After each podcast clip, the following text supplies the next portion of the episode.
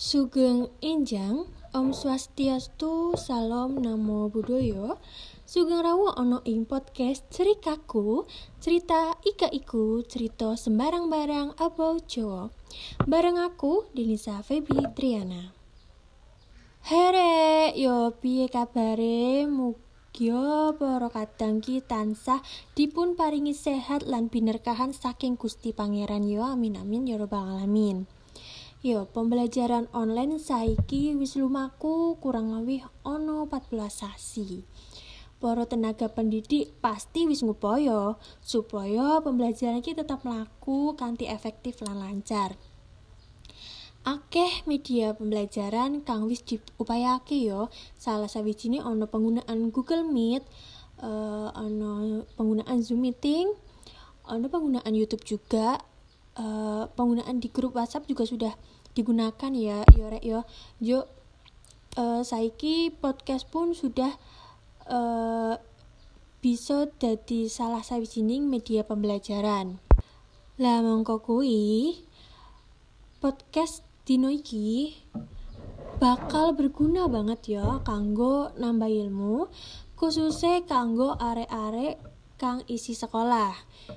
Kok bisa ngono. Ya dino iki aku bakal bahas babagan wawancara.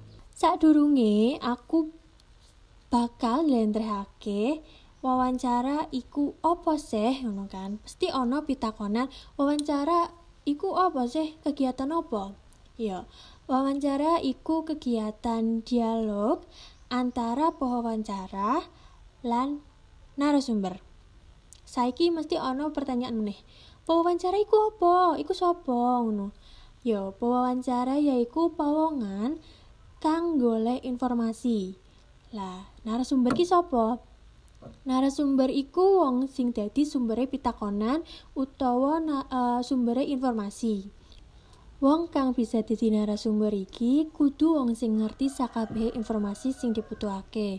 Saiki lak panjenengan golek narasumber kang ora ngerti apa-apa, kang gak ngerti informasi, yo uh, yo wawancarane jadi percuma dan jadi jadi tidak membuahkan hasil wawancara.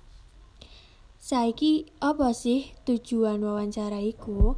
Wawancara iku tujuane golek warta utawa berita, oleh informasi, lan golek katerangan ngenani sawene hebab kanggo keperluan tertentu. Tuladane, wartawan kang lagi golek warto terus uh, murid-murid kang oleh tugas tindakake panliten. Terus bisa juga podcast uh, kang dilakokake dua orang. Biasanya ki mesti ono sesi tanya jawab.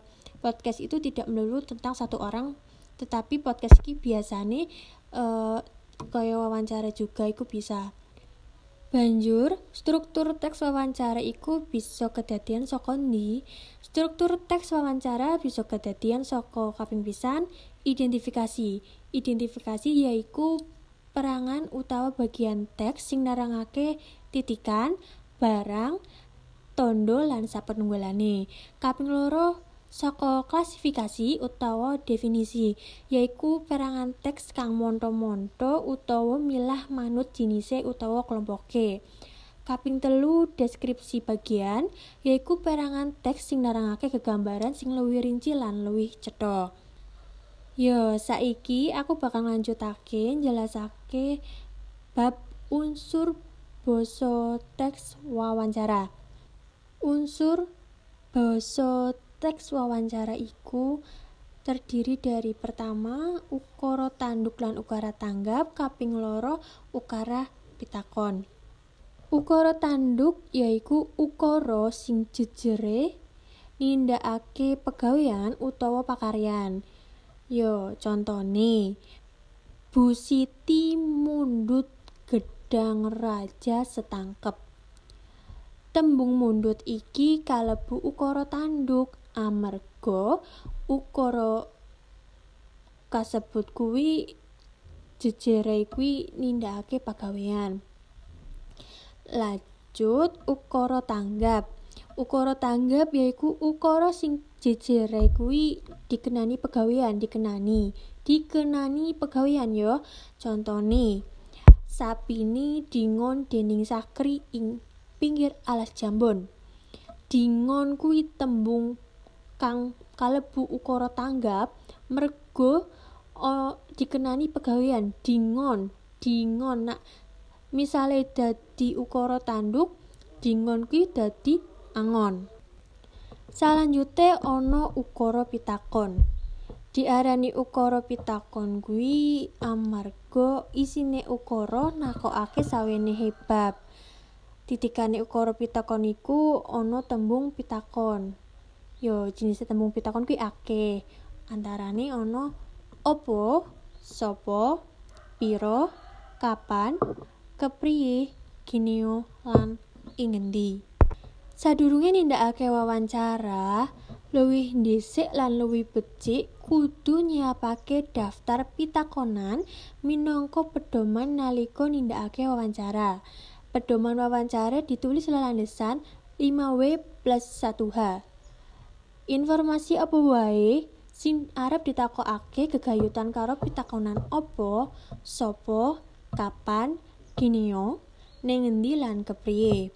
5W plus 1H iku apa wae sih?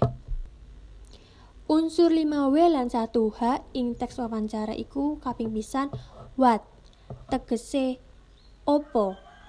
Tembung opo digunakake kanggo nakokake barang kaping loro who tegese sopo tembung sopo digunakake kanggo nakokake wong?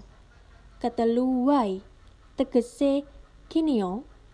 Tembung kinio kadang uga dinggo tembung kena apa? Nyang apa? Gunane kanggo nakokake alasan. Kepapat when tegese kapan? Tembung kapan gunane kanggo nakokake wayah utawa wektu kelima where tegese ing ngendi?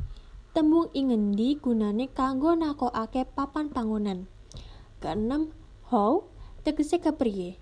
Tembung kepriye gunane kanggo nakokake cara? Minangka panjenengan kuwi nyusun daftar pitakonan kudu migatekake unda usuke basa unda usuk basa kuwi sing dienggo gumantung sapa narasumber sing arep diwawancarai kejaba kuwi isine pitakonan dicundukake karo tema sadurung panjenengan lakokake wawancara aku bakal meneng ngerti bab-bab sing kudu digatekake nalikane wawancara. Kaping pisan, panjenengan kudu ngerteni sapa sing dijak wawancara. Luwih nom, saderajat apa luwih tuwa. Keloro, kudu ngetrapake unggah-ungguh basa cunduk karo umure narasumber. Nalika narasumber luwih tuwa panjenengan kudu ngginakake basa krama inggil ingkang sae kaping telu yen narasumber lagi ngomong aja nganti panjenengan munggel rembuk kaping papat pitakon kudu runtut desan pedoman wawancara Sawise panjenengan nindakake wawancara karo narasumber, pasti panjenengan kudu nulis teks hasil wawancara. Nah, ana bab-bab sing kudu digatekake nalika panjenengan nulis teks hasil wawancara. Kaping pisan, teks wawancara ditulis sakwise nindakake wawancara. Panjenengan boten saged nulis uh, hasil wawancara tanpa panjenengan nindakake wawancara. Kaping pindho, carane nulis sing takon minangka peragam wawancara. sing mangsuli dadi paraga narasumber. Kaping telu, oleh nulis ora kena nyimpang saka data sing ditulis utawa sing direkam nalika wawancara. Panjenengan boten saged nulis hasil wawancara ananging niku boten wonten ing data. Kaping papat, data ditulis kanthi runtut lan genep manut hasil wawancara. Laporan wawancara mujudake ringkesan saka hasilnya wawancara. Tulisan laporan hasil wawancara wujudipun teks deskriptif nggih kadang Mula nalika nulis laporan, hasil wawancara kudu lelandesan teks wawancara sing wis ditulis kanthi ringkes. Struktur teks laporan hasil wawancara yaiku ono identifikasi, klasifikasi, lan deskripsi bagian. Biasane sawise panjenengan wawancara lan nulis hasil wawancara ono ing kegiatan pasinaon mesti panjenengan dipun kongkon presentase hasil laporan wawancara. Nggih nalika presentasi para kadang saged maringi panyaruwe wujud pitakonan utawa saran utawa becike laporan hasil wawancara.